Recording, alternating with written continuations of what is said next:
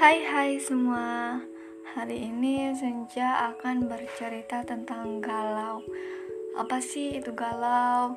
Pasti kalian tahu apa itu galau. Dan kalian pasti pernah ngerasain yang namanya galau. Sama aku juga pernah. Rasanya itu sesek banget. Kalau nangis itu pasti nggak bisa berhenti gitu ya. Karena keinget terus.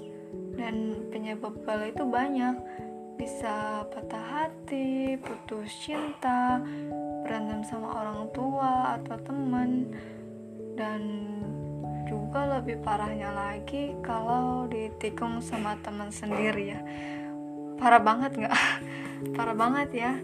Hmm, tapi usahain buat kalian yang lagi ngerasain galau, kalian jangan sampai terlarut dalam kegalauan kalian mungkin masalah yang kalian hadapi bisa dijadiin pelajaran atau motivasi buat kalian. Dan jangan sampai hari-hari kalian itu diisi dengan kegalauan.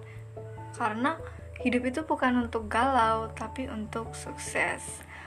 Nah, aku juga punya tips nih buat kalian biar nggak galau lagi. Yang pertama, kalian harus ingat sama Tuhan sering-sering berdoa sama Tuhan.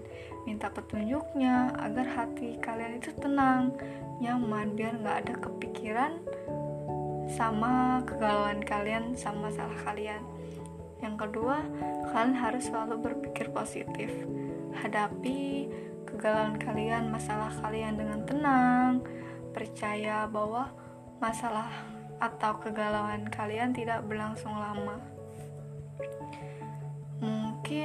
itu aja ya. Semoga kalian gak galau lagi. Hilangin semua kata galau dari pikiran kalian. Ingat bahwa hidup itu bukan untuk galau ya tapi untuk sukses.